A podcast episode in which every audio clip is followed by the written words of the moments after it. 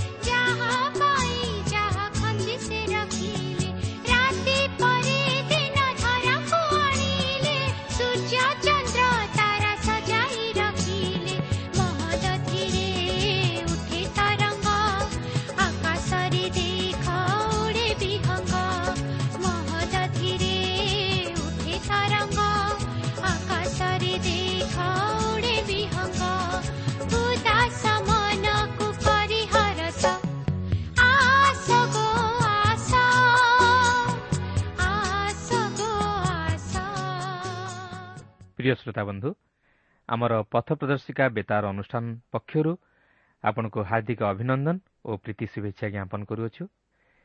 ଆପଣଙ୍କର ସହଯୋଗ ନିମନ୍ତେ ବିଶେଷ ଧନ୍ୟବାଦ। ଆପଣ ଏହି କାର୍ଯ୍ୟକ୍ରମ ନିୟମିତ ଶୁଣିବା ସଙ୍ଗେ ସଙ୍ଗେ ଅନ୍ୟମାନଙ୍କୁ ଶୁଣିବା ନିମନ୍ତେ ଉତ୍ସାହିତ କରୁଥିବାର ଜାଣି ଆମେ ମଧ୍ୟ ବିଶେଷ ଖୁସି। ଆପଣଙ୍କର ଅନୁରୋଧ ରକ୍ଷା କରି ଆମେ ଆପଣଙ୍କ ନିମନ୍ତେ ପ୍ରାର୍ଥନା କରୁଅଛୁ ଆଉ ସେ ପ୍ରଭୁ ଯୀଶୁ ନିଶ୍ଚିତ ଭାବରେ ଆପଣଙ୍କର ସମସ୍ୟା ସମାଧାନ କରିବେ। କେବଳ ସେତିକି ନୁହେଁ ଏକ ଉପାଦେୟ ପୁସ୍ତକ ମଧ୍ୟ ପଠାଇଛୁ ତାହା ବୋଧେ ଆପଣଙ୍କର ହସ୍ତଗତ ହୋଇସାରିଥିବ। ତେଣୁ ତାହା ଅଧ୍ୟୟନ କରନ୍ତୁ ଆଉ ତହିଁରୁ କିଏ ଶିକ୍ଷା ଗ୍ରହଣ କଲେ ତାହା ପତ୍ର ମାଧ୍ୟମରେ ତୁରନ୍ତ ଆମ ନିକଟକୁ ଲେଖି ଜଣାନ୍ତୁ। ଆସନ୍ତୁ ତାହେଲେ ପ୍ରଭୁଙ୍କର ବାକ୍ୟ ମଧ୍ୟକୁ ଯିବା ପୂର୍ବରୁ ସଂକ୍ଷେପରେ ପ୍ରାର୍ଥନା କରିବା। ପବିତ୍ର ପ୍ରଭୁ ଆମମାନଙ୍କର ସ୍ୱର୍ଗବାସୀ ପିତା ଆମମାନଙ୍କର ମୃତ୍ୟୁଞ୍ଜୟୀ ଆମମାନଙ୍କର ଅନନ୍ତ ଜୀବନଦାତା ପବିତ୍ର ପ୍ରଭୁ ତୁମର ଧନ୍ୟବାଦ କରୁଛି ସୁନ୍ଦର ସମୟ ପାଇଁ ତୁମର ଜୀବନ୍ତ ବାକ୍ୟ ପାଇଁ। ହଁ ପ୍ରଭୁ ଆଜି ମଧ୍ୟ ଆମେ ତୁମ ନିକଟକୁ ଆସିଅଛୁ। ତୁମର ବାକ୍ୟ ମଧ୍ୟ ଦେଇ ପ୍ରଭୁ ତୁମର ଅଭିମତକୁ ବୁଝିବା ପାଇଁ ଏବଂ ପ୍ରଭୁ ତୁମର ସେ ଆଶୀର୍ବାଦ ଅନୁଗ୍ରହର ଅଧିକାରୀ ହେବା ପାଇଁ। ପ୍ରଭୁ ତୁମର ବାକ୍ୟ ମଧ୍ୟ ଦେଇ ତୁମେ ଆମମାନଙ୍କ ସହିତ କଥା କୁହ। ତୁମ ବାକ୍ୟର ଗଭୀର ମର୍ମକୁ ବୁଝିବା ନିମନ୍ତେ ଆମମାନଙ୍କୁ ପ୍ରଭୁ ତୁମେ ସେହି ଆତ୍ମିକ ଜ୍ଞାନ ପ୍ରଦାନ କର। ଆମମାନଙ୍କର ଆତ୍ମିକ କର୍ଣ୍ଣକୁ ତୁମେ ଖୋଲିଦିଅ ଆମମାନଙ୍କର ହୃଦୟକୁ ତୁମେ ଖୋଲିଦିଅ ଯେପରି ଆମେ ସରଳ ବିଶ୍ୱାସରେ ପ୍ରଭୁ ତୁମର ବାକ୍ୟକୁ ଗ୍ରହଣ କରିବା ସଙ୍ଗେ ସଙ୍ଗେ ତୁମଠାରେ ବିଶ୍ୱାସ ରଖି ତୁମ ବାକ୍ୟକୁ ବିଶ୍ୱାସ କରି ଯେପରି ଆମେ ତଦନୁଯାୟୀ ଜୀବନଯାପନ କରି ପ୍ରଭୁ ପାପରୁ ଉଦ୍ଧାର ପାଇବା ସଙ୍ଗେ ସଙ୍ଗେ ସେହି ସ୍ୱର୍ଗୀୟ ଆଶୀର୍ବାଦ ଓ ଅନୁଗ୍ରହର ଅଧିକାରୀ ହେବାକୁ ପାରିବୁ ଏ ଅନୁଗ୍ରହ ଦାନ କର ପ୍ରତ୍ୟେକ ଶ୍ରୋତାବନ୍ଧୁମାନଙ୍କୁ ତୁମେ ଆଶୀର୍ବାଦ କର ଯୀଶୁଙ୍କ ନାମରେ ମାଗୁଅଛୁ ଆମେନ୍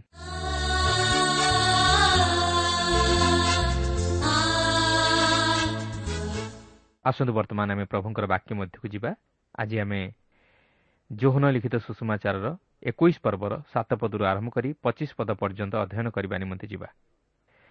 ତେବେ ଏଠାରେ ମୁଁ ଆପଣଙ୍କୁ ସ୍ମରଣ କରାଇଦିଏ ଯେ ପ୍ରଭୁ ଯୀଶୁ ସେହି ତିବିରିଆ ସମୁଦ୍ର କୂଳରେ ଶିଷ୍ୟମାନଙ୍କୁ ଦର୍ଶନ ଦେଇ ସେମାନଙ୍କୁ ସେହି ସମୁଦ୍ରରେ ଜାଲ ପକାଇବା ପାଇଁ କହିଲେ। ଆଉ ସେମାନେ ସେହି ଜାଲ ପକାଇବା ପରେ ଏତେ ମାଛ ପଡ଼ିଲା ଯେ ସେମାନେ ସେହି ଜାଲକୁ ଟାଣି ପାରିଲେ ନାହିଁ। କିନ୍ତୁ ଏହି ଘଟଣା ପରେ ଶିଷ୍ୟମାନଙ୍କ ମନରେ କି ପ୍ରକାର ପ୍ରତିକ୍ରିୟା ସୃଷ୍ଟି ହୋଇଅଛି ଆସନ୍ତୁ ତାହା ବର୍ତ୍ତମାନ ଲକ୍ଷ୍ୟ କରିବା।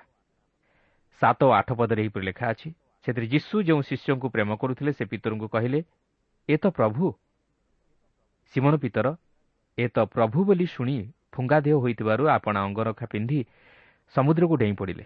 କିନ୍ତୁ ଅନ୍ୟ ଶିଷ୍ୟମାନେ ମାଛରେ ଭର୍ତ୍ତି ହୋଇଥିବା ଜାଲ ଟାଣି ଟାଣି ସାନ ନାହାରେ ଆସିଲେ। କାରଣ ସେମାନେ କୂଳରୁ ଅଧିକ ଦୂରରେ ନଥିଲେ କେବଳ ପ୍ରାୟ ଦୁଇଶହ ହାତ ଦୂରରେ ଥିଲେ। ଦେଖନ୍ତୁ ଏଠାରେ ଯେଉଁ ଲେଖା ଅଛି ଯୀଶୁ ଯେଉଁ ଶିଷ୍ୟଙ୍କୁ ପ୍ରେମ କରୁଥିଲେ ବୋଲି ସେ ହେଉଛନ୍ତି ଜୋହନ। ତେବେ ଜୋହନ ଏଠାରେ ଦୀର୍ଘ ତିନି ବର୍ଷ ତଳର ଘଟଣାକୁ ସ୍ମରଣ କରି ଏ ତ ପ୍ରଭୁ ବୋଲି ଯୀଶୁଙ୍କୁ ଚିହ୍ନି ପାରୁଛନ୍ତି। କାରଣ ଏହିପରି ସେ ସେମାନଙ୍କୁ ଏହି ଗାଲିଲି ସମୁଦ୍ର କୂଳରେ ଆହ୍ୱାନ କରିଥିଲେ ମାତ୍ର ସେମାନେ ନିଜର ବ୍ୟବସାୟ ମଧ୍ୟକୁ ପୁନର୍ବାର ଫେରିଯାଇଥିଲେ। ଓ ଯୀଶୁ ପୁନର୍ବାର ସେମାନଙ୍କୁ ଆହ୍ୱାନ କରିଥିଲେ ଓ ମାଛ ଧରିବା ପରିବର୍ତ୍ତେ ମନୁଷ୍ୟମାନଙ୍କୁ ଯେ ଧରିବା ପାଇଁ ସେମାନଙ୍କୁ କହିଥିଲେ ତାହା ଜୋହନ ବୁଝିପାରିଲେ। କିନ୍ତୁ ପିତର ସେ ପର୍ଯ୍ୟନ୍ତ ଭଲ ଭାବେ ବୁଝିପାରିନଥିଲେ କିନ୍ତୁ ଜୋହନ ଯେତେବେଳେ ପିତରଙ୍କୁ କହୁଅଛନ୍ତି ଏ ତ ପ୍ରଭୁ ସେତେବେଳେ ପିତର ସାଙ୍ଗେ ସାଙ୍ଗେ ସମୁଦ୍ରକୁ ଡେଇଁ ପଡ଼ିଲେ। କାରଣ ସେ ପ୍ରଭୁ ଯୀଶୁଙ୍କ ସହିତ ପ୍ରଥମେ ସାକ୍ଷାତ କରିବାକୁ ଚାହିଁଥିଲେ। କିନ୍ତୁ ପ୍ରିୟ ବନ୍ଧୁ ଆଜି କ'ଣ ଆମେ ଏହି ଜଗତରେ ନିଜର କର୍ମମୟ ଜୀବନ ମଧ୍ୟରେ କ'ଣ ପ୍ରଭୁଙ୍କୁ ଚିହ୍ନି ପାରୁଛୁ କି? ଆମେ କ'ଣ ତାହାଙ୍କୁ ପ୍ରଭୁ ବୋଲି ସ୍ୱୀକାର କରିପାରୁଛୁ କି? ଆମେ କ'ଣ ତାହାଙ୍କର ନିକଟବର୍ତ୍ତୀ ହୋଇ ତାହାଙ୍କ ସହ ସହଭାଗିତା ସ୍ଥାପନ କରିବା ନିମନ୍ତେ ଚାହୁଁଛୁ କି? କିନ୍ତୁ ଆମେ ପିତରଙ୍କ ଜୀବନକୁ ଲକ୍ଷ୍ୟ କରୁ। ସେ ଯେତେବେଳେ ଜାଣିଲେ ଯେ ସେ ପ୍ରଭୁ ଯୀଶୁଖ୍ରୀଷ୍ଟ ସେତେବେଳେ ସେ ଆଉ ସମ୍ଭାଳି ହୋଇ ରହିପାରିଲେ ନାହିଁ। ମାତ୍ର ଯୀଶୁଙ୍କ ନିକଟକୁ ଯିବା ପାଇଁ ସମୁଦ୍ରକୁ ଡେଇଁ ପଡ଼ିଲେ ଯେପରି ସେ ଆଗେ ଯାଇ ଯୀଶୁଙ୍କୁ ସାକ୍ଷାତ କରିପାରନ୍ତି ଓ ତାହାଙ୍କ ସହିତ ସହଭାଗିତା ସ୍ଥାପନ କରିପାରନ୍ତି। ଆଜି ଆମମାନଙ୍କର ମନ ମଧ୍ୟ ପ୍ରଭୁ ଯୀଶୁଙ୍କ ପ୍ରତି ସେହି ପ୍ରକାର ହେବା ଉଚିତ। ଆମେ ଯେତେ କାର୍ଯ୍ୟ ବ୍ୟସ୍ତତା ମଧ୍ୟରେ ଥାଉନା କାହିଁକି ତାହାଙ୍କର ନିକଟବର୍ତ୍ତୀ ହେବା ପାଇଁ ଓ ତାହାଙ୍କ ସହିତ ସହଭାଗିତା ସ୍ଥାପନ କରିବା ପାଇଁ ଆମେ ସମୟ ଦେବା ଉଚିତ ଓ ସବୁ କାମକୁ ପଛରେ ପକାଇ ପ୍ରଥମେ ତାହାଙ୍କର ନିକଟବର୍ତ୍ତୀ ହେବା ଉଚିତ। ତେବେ ବର୍ତ୍ତମାନ ଏଠାରେ ଲକ୍ଷ୍ୟ କରିବାର ବିଷୟ ହେଉଛି ଯେ ସେମାନେ ସମସ୍ତେ କୂଳରେ ଆସି ପହଞ୍ଚି ଯାଇଛନ୍ତି ଓ ଯୀଶୁଙ୍କ ସହିତ ବସି ଭୋଜନ କରିବା ନିମନ୍ତେ ପ୍ରସ୍ତୁତ ହେଉଛନ୍ତି। ଦେଖନ୍ତୁ ନଅ ପଦରୁ ଏଗାର ପଦ ମଧ୍ୟରେ ଲେଖା ଅଛି। ସେମାନେ କୂଳରେ ଓହ୍ଲାଇ ସେଠାରେ ଅଙ୍ଗାରର ନିଆଁ ପୁଣି ତାହା ଉପରେ ଭଜା ମାଛ ଓ ରୁଟି ଥୁଆ ହୋଇଥିବା ଦେଖିଲେ। ଯୀଶୁ ସେମାନଙ୍କୁ କହିଲେ ତୁମେମାନେ ଏବେ ଯେଉଁ ମାଛ ଧରିଅଛ ସେଥିରୁ କିଛି ଆଣ। ସିମନ ପିତର ଯାଇ ଏକଶହ ତେପନ ବଡ଼ ବଡ଼ ମାଛରେ ଭର୍ତ୍ତି ହୋଇଥିବା ଜାଲ କୂଳକୁ ଟାଣି ଆଣିଲେ ଆଉ ଏତେ ମାଛରେ ସୁଦ୍ଧା ଜାଲ ଛିଣ୍ଡିଲା ନାହିଁ। ବାସ୍ତବରେ ଏହା ଥିଲା ପୁନରୁତ୍ଥାନ ପରେ ପ୍ରଭୁ ଯୀଶୁଙ୍କର ଏକମାତ୍ର ଆଶ୍ଚର୍ଯ୍ୟ କର୍ମ। ଆପଣ ଲକ୍ଷ୍ୟ କରନ୍ତୁ ଯେ ସେହି ଜାଲ ଗୋଟିଏ ଖେପାରେ ମାଛରେ ଭର୍ତ୍ତି ହୋଇଗଲା। କାରଣ ସେ ଯାହାକୁ ଆଶୀର୍ବାଦ କରନ୍ତି ଅଳ୍ପ ଅଳ୍ପ କରି ନୁହେଁ ମାତ୍ର ପୂର୍ଣ୍ଣ ମାତ୍ରାରେ। କାରଣ ତାହାଙ୍କର ଆଶୀର୍ବାଦ ମନୁଷ୍ୟକୁ ଧନମାନ କରେ ଓ ସେ ତହିଁ ସଙ୍ଗରେ ଦୁଃଖ ଯୋଗ କରନ୍ତି ନାହିଁ। ଏଥିସହିତ ଆପଣ ଆଉ ଏକ ବିଷୟ ଲକ୍ଷ୍ୟ କରିବେ ଯେ ସେ ସେମାନଙ୍କ ନିମନ୍ତେ ଭଜା ମାଛ ଓ ରୁଟି ପ୍ରସ୍ତୁତ କରି ରଖିଥିଲେ କିନ୍ତୁ ସେ ମଧ୍ୟ ସେମାନଙ୍କର ଧରିଥିବା ମାଛରୁ କିଛି ଆଣିବା ନିମନ୍ତେ କହିଥିଲେ। ଏହାର ଅର୍ଥ ସେ ସେମାନଙ୍କର ସେବାକୁ ଗ୍ରହଣ କରିଥିଲେ ଓ ସେ ଚାହିଁଥିଲେ ସେମାନେ ମଧ୍ୟ ତାହାଙ୍କ ନିମନ୍ତେ କିଛି ସେବା କରନ୍ତୁ।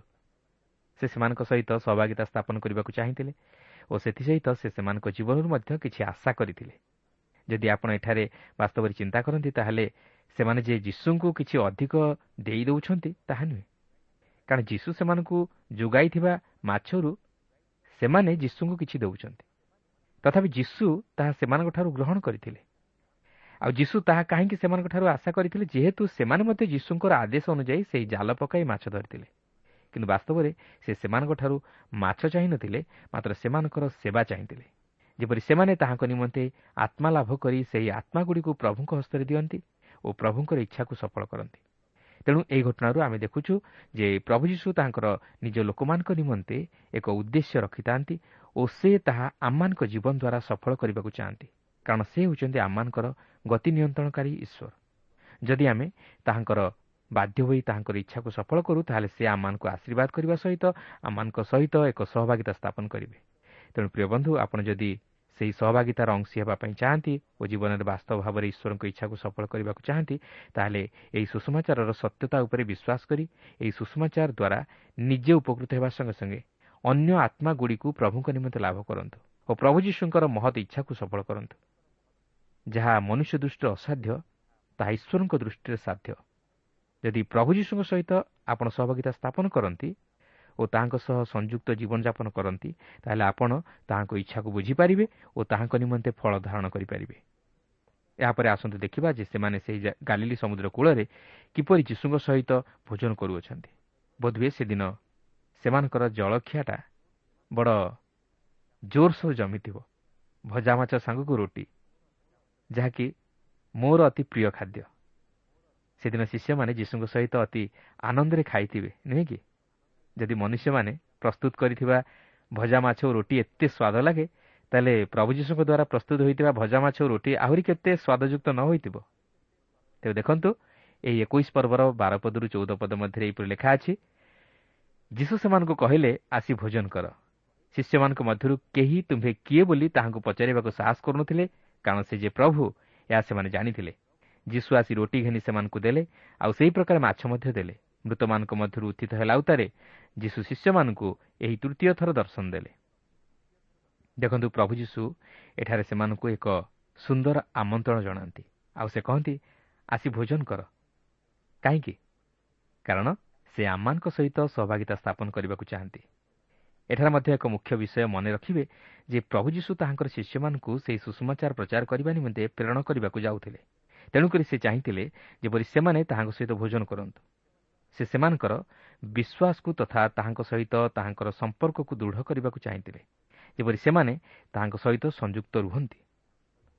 ସେ ଚାହିଁଥିଲେ ଯେପରି ପ୍ରଥମେ ସେମାନେ ଆତ୍ମିକ ଆହାର ଖାଇ ଆତ୍ମିକ ଜୀବନରେ ବଳିଷ୍ଠ ହୁଅନ୍ତୁ ଓ ତାହାପରେ ଅନ୍ୟର ଆତ୍ମିକ ଜୀବନକୁ ରକ୍ଷା କରିବାକୁ ଯାଆନ୍ତୁ।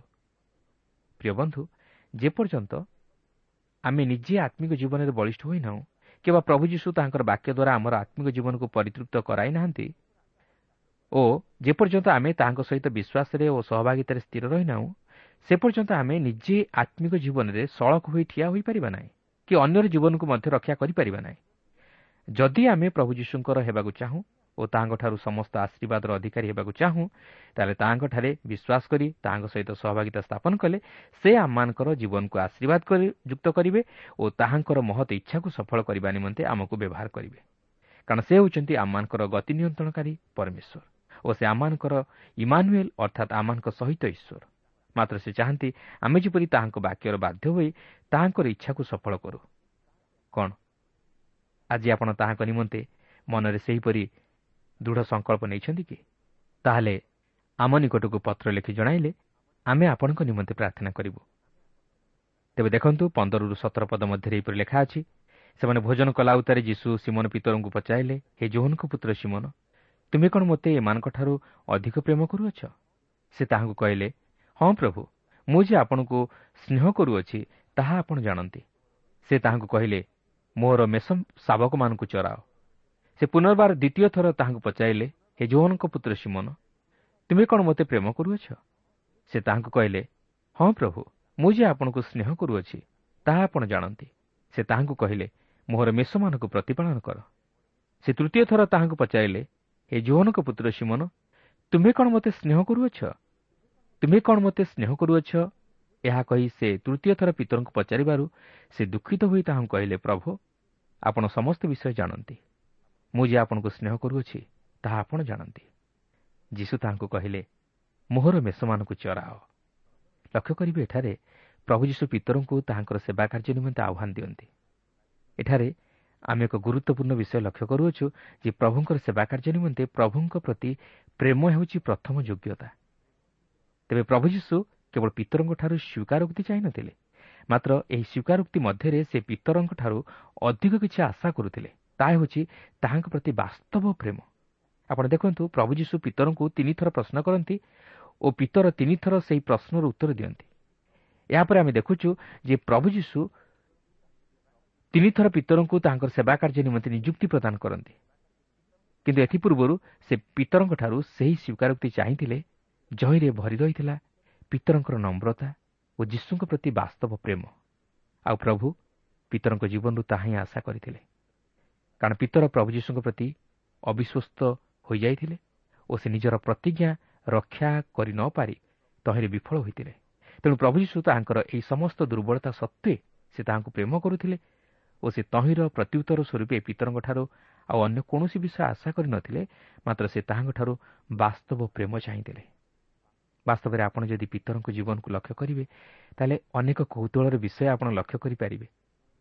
ପ୍ରକୃତରେ ପ୍ରଭୁ ଯୀଶୁ ଅନ୍ୟ ଶିଷ୍ୟମାନଙ୍କ ସହିତ ପିତରଙ୍କୁ ମଧ୍ୟ ତାଙ୍କର ପ୍ରଚାର କାର୍ଯ୍ୟ ନିମନ୍ତେ ଆହ୍ୱାନ କରିଥିଲେ।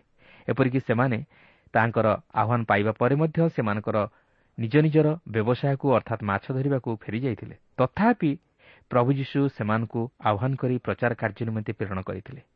କିନ୍ତୁ ଆପଣ ଦେଖନ୍ତୁ ସେହି ମହାଯାଜକଙ୍କ ପ୍ରାଙ୍ଗଣ ମଧ୍ୟରେ ସୈନ୍ୟମାନେ ଅଙ୍ଗାର ଜାଳି ନିଆଁ ପୋଉଥିବା ସମୟରେ ପିତର ସେଠାରେ ସେମାନଙ୍କ ସଙ୍ଗରେ ବସି ନିଆଁ ପୋଉଥିଲେ ଓ ସେହି ସ୍ଥାନରେ ପିତରଙ୍କୁ ଯୀଶୁଙ୍କ ବିଷୟରେ ପଚାରିବାରୁ ପିତର ସେହି ଅଙ୍ଗାରର ନିଆଁ ପାଖରେ ଯୀଶୁଙ୍କୁ ଅସ୍ୱୀକାର କରିଥିଲେ। କାରଣ ସେହି ସମୟରେ ଯୀଶୁ ଶତ୍ରୁ ହସ୍ତରେ ସମର୍ପିତ ହୋଇସାରିଥିଲେ। ଆଉ ସେହି ରାତ୍ରିରେ ସେହି ଅଙ୍ଗାରର ନିଆଁ ପାଖରେ ପିତର ଯୀଶୁଙ୍କୁ ଅସ୍ୱୀକାର କରିଥିଲେ। ସେ ତାହାଙ୍କ ଜୀବନରେ ବଡ଼ ଭୁଲ କଲେ। ସେ ସେଠାରେ ତିନିଥର ପ୍ରଭୁ ଯୀଶୁଙ୍କୁ ଅସ୍ୱୀକାର କଲେ। ସେ ସେଠାକୁ ଯିବାର ନଥିଲା କିନ୍ତୁ ସେ ସେଠାକୁ ଗଲେ ଓ ଏକ ବଡ଼ ଭୁଲ କରି ବସିଲେ। କିନ୍ତୁ ଆପଣ ଦେଖନ୍ତୁ ଏକ କୌତୁହଳର ବିଷୟ ଯେ ସେହି ଗାଲିଲି ସମୁଦ୍ର କୂଳରେ ଶିଷ୍ୟମାନେ ଅନେକ ଗୁଡ଼ିଏ ମାଛ ଧରିବା ପରେ ଯେତେବେଳେ ସେହି କୂଳକୁ ଆସୁଅଛନ୍ତି ଦେଖୁଛନ୍ତି କୂଳରେ ଅଙ୍ଗାରର ନିଆଁ ପୁଣି ତାହା ଉପରେ ଭଜା ମାଛ ଓ ରୁଟି ଥୁଆ ହୋଇଅଛି। ଓ ସେହିଠାରେ ପ୍ରଭୁ ଯୀଶୁ ପିତରଙ୍କୁ ତାହାଙ୍କର କାର୍ଯ୍ୟରେ ପୁନର୍ବାର ନିଯୁକ୍ତି ଦେବାକୁ ଯାଉଅଛନ୍ତି। ଯେଉଁ ଅଙ୍ଗାରର ନିଆଁ ପାଖରେ ସେଦିନ ପିତର ଯୀଶୁଙ୍କୁ ତିନିଥର ଅସ୍ୱୀକାର କରିଥିଲେ ସେହି ଅଙ୍ଗାରର ନିଆଁ ପାଖରେ ସେ ପ୍ରଭୁ ଯୀଶୁଙ୍କୁ ତିନିଥର ସ୍ୱୀକାର କରିବାକୁ ଯାଉଅଛନ୍ତି ଓ ତାହା ମଧ୍ୟ ଆନ୍ତରିକ ପ୍ରେମ ସହିତ। କାରଣ ପିତର ବର୍ତ୍ତମାନ ନିଜର ଦୁର୍ବଳତା ବୁଝିପାରିଛନ୍ତି ଓ ସେ ପ୍ରଭୁ ଯୀଶୁଙ୍କର ବାସ୍ତବ ପ୍ରେମକୁ ବୁଝିପାରିଛନ୍ତି। କ'ଣ? ବାସ୍ତବରେ ଏହା ଏକ ଚମତ୍କାର ବିଷୟ ନୁହେଁ କି? କିନ୍ତୁ ଏଠାରେ ଲକ୍ଷ୍ୟ କରିବାର ବିଷୟ ହେଉଛି ଯେତେବେଳେ ପ୍ରଭୁ ଯୀଶୁ ପିତରଙ୍କୁ ତିନିଥର ପ୍ରଶ୍ନ କରୁଅଛନ୍ତି ସେହି ପ୍ରଶ୍ନରେ ପ୍ରାୟ ସମାନତା ଓ ପୁନରାବୃତ୍ତି ହେଲା ପରି ଜଣାଯାଏ କିନ୍ତୁ ସେହି ତିନୋଟି ଯାକ ପ୍ରଶ୍ନ ଏକା ପ୍ରଶ୍ନ ନୁହେଁ ତହିଁରେ ଭିନ୍ନତା ରହିଅଛି। ତେବେ ଦେଖନ୍ତୁ ପିତରଙ୍କ ପ୍ରତି ଯୀଶୁଙ୍କର ପ୍ରଥମ ପ୍ରଶ୍ନ ଏହିପରି ଥିଲା ହେ ଜୋହନଙ୍କ ପୁତ୍ର ସିମନ ତୁମେ କ'ଣ ମୋତେ ଏମାନଙ୍କଠାରୁ ଅଧିକ ପ୍ରେମ କରୁଅଛ? ଏଠାରେ ଆପଣ ଲକ୍ଷ୍ୟ କରିବେ ଯୀଶୁ କହନ୍ତି ହେ ଜୋହନଙ୍କ ପୁତ୍ର ସିମନ ତେବେ ପ୍ରଶ୍ନ ଉଠେ ଯେ ଯୀଶୁ କାହିଁକି ପିତର ବୋଲି କହିଲେ ନାହିଁ? ମାତ୍ର ସିମନ ବୋଲି କାହିଁକି କହିଲେ? ତେବେ ଯୀଶୁ ଏଠାରେ ପିତରଙ୍କୁ ଜୋହନଙ୍କ ପୁତ୍ର ସିମନ ବୋଲି ଡାକିବାର ଏକ କାରଣ ମଧ୍ୟ ରହିଅଛି। ପ୍ରଭୁ ଯୀଶୁ ଏଠାରେ ପିତରଙ୍କର ପୂର୍ବ ନାମ ବା ପୁରୁଣା ନାମକୁ ତାହାଙ୍କୁ ସ୍ମରଣ କରାଇ ଦିଅନ୍ତି। ଆପଣ ଜାଣିଥିବେ ଯେ ଯେତେବେଳେ ପ୍ରଭୁ ଯୀଶୁ ପ୍ରଥମେ ପିତରଙ୍କୁ ସାକ୍ଷାତ କରିଥିଲେ ସେତେବେଳେ ଆନ୍ଦ୍ରିୟ ତାହାଙ୍କୁ ଯୀଶୁଙ୍କ ନିକଟକୁ ଆଣିଥିଲେ। ଯେତେବେଳେ ଯୀଶୁ ପିତରଙ୍କୁ ପ୍ରଥମ କରି ଦେଖିଲେ ସେତେବେଳେ ସେ ଏହିପରି କହିଲେ ଯାହାକି ଜୋହନ ଏକ ପର୍ବର ବୟାଳିଶ ପଦରେ ଲେଖା ଅଛି ଯୀଶୁ ତାହାଙ୍କୁ ଏକ ଦୃଷ୍ଟିରେ ଚାହିଁ କହିଲେ ତୁମେ ଜୋହନଙ୍କ ପୁତ୍ର ସିମନ ତୁମେ କେଫା ଅନୁବାଦ କଲେ ଏହାର ଅର୍ଥ ପିତର ନାମରେ ଖ୍ୟାତ ହେବ। ଏଠାରେ ଯୀଶୁ ତାହାଙ୍କୁ ଜୋହନଙ୍କ ପୁତ୍ର ସିମନ ବୋଲି କହନ୍ତି ଓ ସେ ତାହାଙ୍କର ନାମକୁ ପିତର ନାମରେ ପରିବର୍ତ୍ତିତ କରନ୍ତି। ଆପଣ ଦେଖନ୍ତୁ ଯେତେବେଳେ ପିତର ସେହି କାଇସରିଆ ଫିଲିପି ଅଞ୍ଚଳରେ ପ୍ରଭୁ ଯୀଶୁଙ୍କୁ ଏକ ଚମତ୍କାର ଉତ୍ତର ଦିଅନ୍ତି ଆପଣ ଖ୍ରୀଷ୍ଟ ଜୀବନ୍ତ ଈଶ୍ୱରଙ୍କ ପୁତ୍ର ସେତେବେଳେ ପ୍ରଭୁ ଯୀଶୁ ପିତରଙ୍କୁ କହନ୍ତି ହେ ଜୁନସର ପୁତ୍ର ସିମନ ତୁମେ ଧନ୍ୟ କାରଣ ମନୁଷ୍ୟ ତୁମ ନିକଟରେ ଏହା ପ୍ରକାଶ କରିନାହିଁ ବରଂ ମୋହର ସ୍ୱର୍ଗସ୍ଥ ପିତା ପ୍ରକାଶ କରିଅଛନ୍ତି। ତୁମ୍ଭେ ପିତର ଅର୍ଥାତ୍ ପଥର ବୋଲି ଖ୍ୟାତ ହେବ ପୁଣି ଏହି ପଥର ଉପରେ ମୁଁ ଆପଣାର ମଣ୍ଡଳୀ ତୋଳିବି।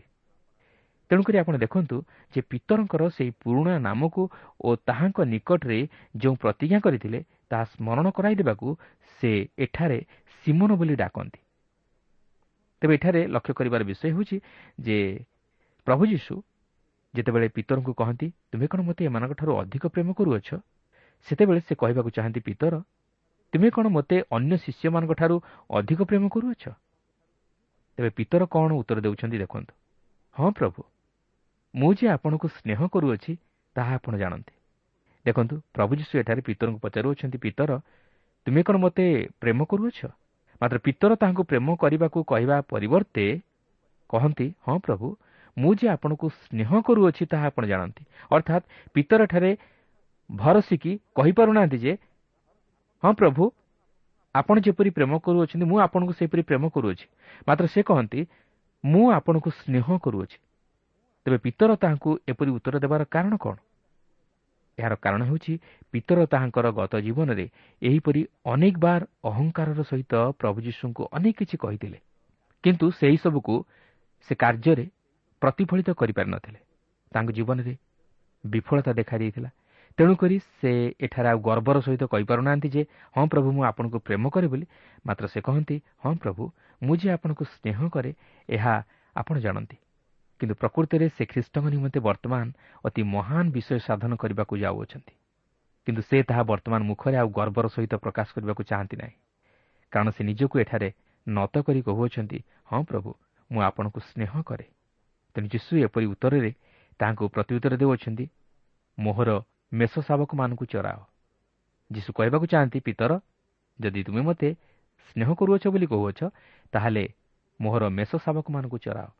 ଅର୍ଥାତ୍ ଯେଉଁମାନେ ଆତ୍ମିକ ଜୀବନରେ ଶାବକ ପରି ଅଛନ୍ତି ଏପରି ମୋର ବିଶ୍ୱାସୀମାନଙ୍କୁ ତୁମେ ଚରାଅ ସେମାନଙ୍କୁ ଆତ୍ମିକ ଖାଦ୍ୟ ଦିଅ ଏହାପରେ ପ୍ରଭୁ ଯୀଶୁ ଦ୍ୱିତୀୟବାର ମଧ୍ୟ ପିତରଙ୍କୁ ସେହିପରି ପଚାରନ୍ତି ପିତର ତୁମେ କ'ଣ ମୋତେ ପ୍ରେମ କରୁଅଛ? ଦ୍ୱିତୀୟବାର ମଧ୍ୟ ପିତର ସେହିପରି ଉତ୍ତର ଦେଉଛନ୍ତି ହଁ ପ୍ରଭୁ ମୁଁ ଯେ ଆପଣଙ୍କୁ ସ୍ନେହ କରୁଅଛି ତାହା ଆପଣ ଜାଣନ୍ତି। ପିତର ତଥାପି ଯୀଶୁଙ୍କୁ ପ୍ରେମ କରନ୍ତି ବୋଲି ଦୃଢ଼ତାର ସହିତ କହିପାରନ୍ତି ନାହିଁ। ଯଦିଓ ସେ ଅନ୍ତର ମଧ୍ୟରେ ଯୀଶୁଙ୍କ ପ୍ରତି ଗଭୀର ପ୍ରେମ ରଖିଅଛନ୍ତି ତଥାପି ସେ ତାହା ଦମ୍ଭର ସହିତ କହିବାକୁ ସାହସ କରନ୍ତି ନାହିଁ। ମାତ୍ର ଯୀଶୁ ତାହାଙ୍କୁ ଉତ୍ସାହ ଦେବାକୁ ଯାଇ କହନ୍ତି ପିତର ମୁଁ ଜାଣେ ଯେ ତୁମେ ମୋତେ ଅନ୍ୟ ଶିଷ୍ୟମାନଙ୍କ ଅପେକ୍ଷା ଅଧିକ ପ୍ରେମ କରୁଅଛ ବୋଲି। ତାହା ତୁମେ ଦମ୍ଭର ସହିତ କହି ନପାର ମାତ୍ର ବର୍ତ୍ତମାନ କ'ଣ ତୁମେ ଦୃଢ଼ତାର ସହିତ କହିପାରିବ ନାହିଁ ଯେ ହଁ ପ୍ରଭୁ ମୁଁ ଆପଣଙ୍କୁ ପ୍ରେମ କରେ ବୋଲି? କିନ୍ତୁ ଆପଣ ଦେଖନ୍ତୁ ପିତର ସେହିପରି କହନ୍ତି ପ୍ରଭୁ ମୁଁ ଆପଣଙ୍କୁ ସ୍ନେହ କରେ। କିନ୍ତୁ ସେ ଦୃଢ଼ତାର ସହିତ ବା ଗର୍ବର ସହିତ କହିପାରୁନାହାନ୍ତି ଯେ ପ୍ରଭୁ ମୁଁ ଆପଣଙ୍କୁ ପ୍ରେମ କରେ ବୋଲି। କାରଣ ସେ ସେପରି କହିବାକୁ ଭୟ କରୁଅଛନ୍ତି। କିନ୍ତୁ ତଥାପି ପ୍ରଭୁ ତାହା ଜାଣି ମଧ୍ୟ ତାହାଙ୍କୁ ଦ୍ୱିତୀୟ ଥର କହୁଛନ୍ତି ମୋହର ମେଷମାନଙ୍କୁ ପ୍ରତିପାଳନ କର। କିନ୍ତୁ ଆପଣ ପ୍ରଥମ ପ୍ରତି ଉତ୍ତରରେ ଦେଖିବେ ଯୀଶୁ ପିତରଙ୍କୁ କହନ୍ତି ମୋହର ମେଷ ଶାବକମାନଙ୍କୁ ଚରାଅ ମାତ୍ର ଦ୍ୱିତୀୟରେ ସେ ଏଠାରେ କହୁଅଛନ୍ତି ମୋହର ମେଷମାନଙ୍କୁ ପ୍ରତିପାଳନ କର। ଅର୍ଥାତ୍ ଯେଉଁମାନେ ଆତ୍ମିକ ଜୀବନରେ ବୟପ୍ରାପ୍ତ ବିଶ୍ୱାସୀ ସରଳ ଭାବରେ ବୁଝିବାକୁ ଗଲେ ଯେଉଁମାନେ ପୁରୁଣା ବିଶ୍ୱାସୀ ସେମାନଙ୍କୁ ଶୃଙ୍ଖଳିତ ବା ପ୍ରତିପାଳନ କର। କାହିଁକି ଜାଣନ୍ତି? ଯେହେତୁ ମେଷ ଶାବକମାନେ ମେଷମାନଙ୍କୁ ଅନୁସରଣ କରନ୍ତି। ତେଣୁକରି ମେଷମାନେ ପ୍ରଥମେ ଶୃଙ୍ଖଳିତ ହେବା ଉଚିତ। ଏହାପରେ ତୃତୀୟ ଥର ପ୍ରଭୁ ଯୀଶୁ ପୁନର୍ବାର ପିତରଙ୍କୁ ପଚାରନ୍ତି ପିତର ତୁମେ କ'ଣ ମୋତେ ସ୍ନେହ କରୁଅଛ? ତୁମେ କ'ଣ ମୋତେ ସ୍ନେହ କରୁଅଛ? ପିତର ଦୁଃଖିତ ହୋଇ କହୁଅଛନ୍ତି ପ୍ରଭୁ ଆପଣ ସମସ୍ତ ବିଷୟ ଜାଣନ୍ତି। ମୁଁ ଯେ ଆପଣଙ୍କୁ ସ୍ନେହ କରୁଅଛି ତାହା ଆପଣ ଜାଣନ୍ତି। ଏଠାରେ ଆପଣ ଲକ୍ଷ୍ୟ କରିବେ ପ୍ରଭୁ ଯୀଶୁ ପିତରଙ୍କ ଶବ୍ଦଟି ବ୍ୟବହାର କରୁଅଛନ୍ତି। ସେ ଆଉ ପିତରଙ୍କୁ ପ୍ରେମ କରୁଅଛ ବୋଲି ପ୍ରଶ୍ନ କରୁନାହାନ୍ତି ମାତ୍ର ସ୍ନେହ କରୁଅଛ ବୋଲି ପ୍ରଶ୍ନ କରୁଅଛନ୍ତି। ସେ ବର୍ତ୍ତମାନ ପିତରଙ୍କ କଥାକୁ ନେଇ ପିତରଙ୍କୁ ପ୍ରଶ୍ନ କରୁଅଛନ୍ତି। ସେ ବର୍ତ୍ତମାନ ପିତରଙ୍କର ମନ୍ତବ୍ୟକୁ ଗ୍ରହଣ କରି ନେଉଛନ୍ତି। ତେଣୁକରି ପିତର ଦୁଃଖିତ ହୋଇପଡ଼ୁଛନ୍ତି କାରଣ ପ୍ରଭୁ ତାହାଙ୍କଠାରୁ ଯେଉଁ ପ୍ରେମ ଆଶା କରୁଥିଲେ ତାହା ପିତର ସ୍ୱୀକାର କରିପାରିଲେ ନାହିଁ। ମାତ୍ର ପିତରଙ୍କ ସ୍ନେହକୁ ପ୍ରଭୁ ଗ୍ରହଣ କଲେ। ତେଣୁ ପ୍ରଭୁ ଯୀଶୁ ତାହାଙ୍କୁ କହନ୍ତି ମୋର ମେଷମାନଙ୍କୁ ଚରାଅ। କାରଣ ପ୍ରଭୁ ଯୀଶୁଙ୍କର ପୁରୁଣା ବିଶ୍ୱାସୀମାନେ ମଧ୍ୟ ସେହି ଆତ୍ମିକ ଆହାର ଭୋଜନ କରିବା ଆବଶ୍ୟକ। ଏହି ଆତ୍ମିକ ଆହାର ଆଜି ଆମ ପ୍ରତ୍ୟେକଙ୍କ ନିମନ୍ତେ ଆବଶ୍ୟକ। ଆଜି ଆମ ପ୍ରତ୍ୟେକଙ୍କ ନିମନ୍ତେ ଏହି ଏକ ପ୍ରଶ୍ନ ପ୍ରଭୁ ଯୀଶୁ କରନ୍ତି ତୁମେ କ'ଣ ମୋତେ ପ୍ରେମ କରୁଅଛ? କ'ଣ? ଆଜି ଆମେ ପ୍ରଭୁ ଯୀଶୁଙ୍କୁ ପ୍ରେମ କରୁଅଛୁ ବୋଲି କହିପାରିବା? ଯଦି ପିତର କହିବାକୁ ସାହସ କରିପାରିଲେ ନାହିଁ ତାହେଲେ ଆମେ କିଏ? ବାସ୍ତବରେ ପ୍ରଭୁ ଯୀଶୁ ଆମକୁ ଯେଉଁପରି ପ୍ରେମ କରିଅଛନ୍ତି ସେହିପରି ଆମେ ତାହାଙ୍କୁ ପ୍ରେମ କରିପାରିବା ନାହିଁ। କାରଣ ମନୁଷ୍ୟ ହେଉଛି ଦୁର୍ବଳ କିନ୍ତୁ ତଥାପି ଚେଷ୍ଟା କରୁ। ପିତରଙ୍କ ପରି ପ୍ରତ୍ୟୁତ୍ତର ଦେବା ପାଇଁ ହଁ ପ୍ରଭୁ ଯଦିଓ ମୁଁ ଆପଣଙ୍କୁ ପ୍ରେମ କରିନପାରେ ମାତ୍ର ମୁଁ ଆପଣଙ୍କୁ ସ୍ନେହ କରେ। କ'ଣ? ଆଜି ଆମେ ସେହିପରି କହିପାରିବା କି ହଁ ପ୍ରଭୁ ମୁଁ ଆପଣଙ୍କୁ ସ୍ନେହ କରେ। ବାସ୍ତବରେ ପ୍ରିୟ ବନ୍ଧୁ ପ୍ରଭୁ ଯୀଶୁ ଆମକୁ ଯେଉଁପରି ଭାବେ ପ୍ରେମ କରନ୍ତି ଆମେ ତାହାଙ୍କୁ ସେପରି ପ୍ରେମ କରିପାରିବା ନାହିଁ ମାତ୍ର ଆମେ ଏତିକି କହିପାରିବା ହଁ ପ୍ରଭୁ ମୁଁ ଆପଣଙ୍କୁ ସ୍ନେହ କରେ। ସେଥିପାଇଁ ଦ୍ୱିତୀୟ ପିତର ପ୍ରଥମ ପର୍ବର ତେର ଓ ଚଉଦ ପଦରେ ଲେଖା ଅଛି ଆମମାନଙ୍କ ପ୍ରଭୁ ଯୀଶୁଖ୍ରୀଷ୍ଟ ମୋତେ ଯେପରି ଜଣାଇଅଛନ୍ତି ତଦନୁସାରେ ଶୀଘ୍ର ମୋତେ ଏହି ଶରୀର ରୂପ ତମ୍ବୁ ଯେ ତ୍ୟାଗ କରିବାକୁ ହେବ। ଏହା ଜାଣି ଯେପର୍ଯ୍ୟନ୍ତ ଏହି ତମ୍ବୁରେ ଥାଏଁ ସେ ପର୍ଯ୍ୟନ୍ତ ତୁମମାନଙ୍କୁ ସ୍ମରଣ କରାଇ ଜାଗ୍ରତ କରାଇବା ବିହିତ ମନେ କରୁଅଛି। ବାସ୍ତବରେ ପିତର ପ୍ରଭୁ ଯୀଶୁଙ୍କ ନିମନ୍ତେ ଶହୀଦ ହେବା ପାଇଁ ଆଗେଇ ଯାଇଥିଲେ। ଆମେ ଦେଖୁ ଯଦି ବା ପିତରଙ୍କ ଜୀବନରେ ଦୁର୍ବଳତା ଦେଖାଯାଇଥିଲା ମାତ୍ର ସେ ତାହାକୁ ନମ୍ର ଭାବରେ ମାନି ନେଇ ପ୍ରଭୁ ଯୀଶୁଙ୍କ ନିମନ୍ତେ ଏକ ଦୃଢ଼ ପଦକ୍ଷେପ ନେଇ ଛିଡ଼ା ହୋଇଥିଲେ। ସେହିପରି ପ୍ରଭୁ ମଧ୍ୟ ଆଜି ଆମମାନଙ୍କ ଜୀବନରୁ ତାହା ହିଁ ଆଶା କରନ୍ତି। ସେ ଜାଣନ୍ତି ଆମର ଦୁର୍ବଳତା।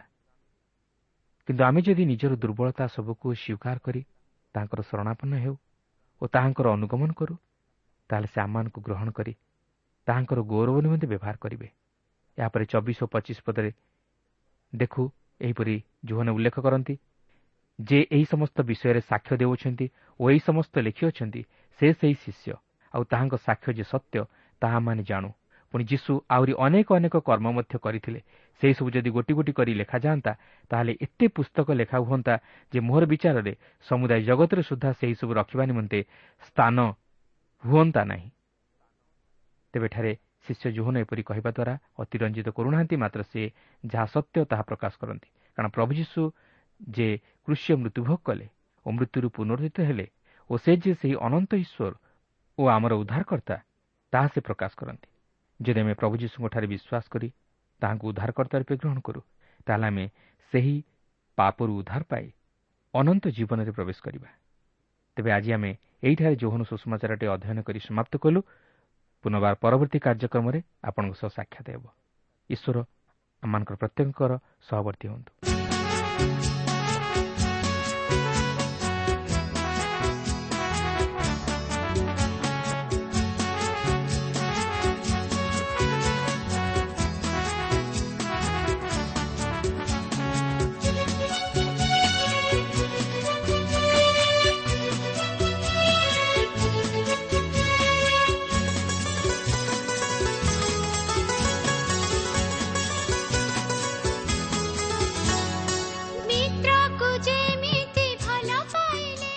ଶ୍ରୋତା ଆପଣ ଈଶ୍ୱରଙ୍କ ବାକ୍ୟ ଶୁଣିବା ନିମନ୍ତେ ସମୟ ଦେଇଥିବାରୁ ଆମେ ଧନ୍ୟବାଦୀ।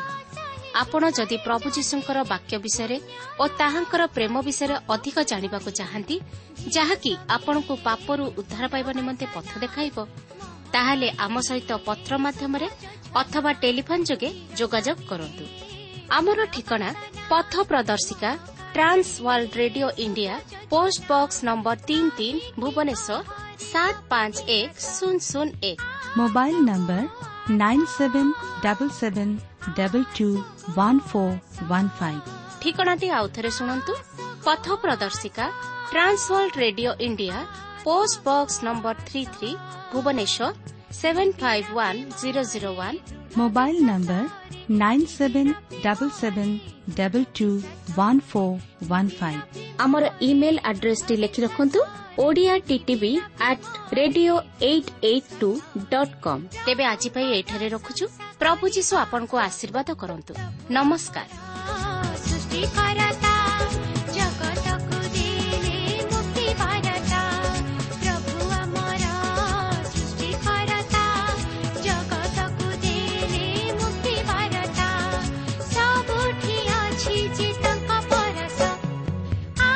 so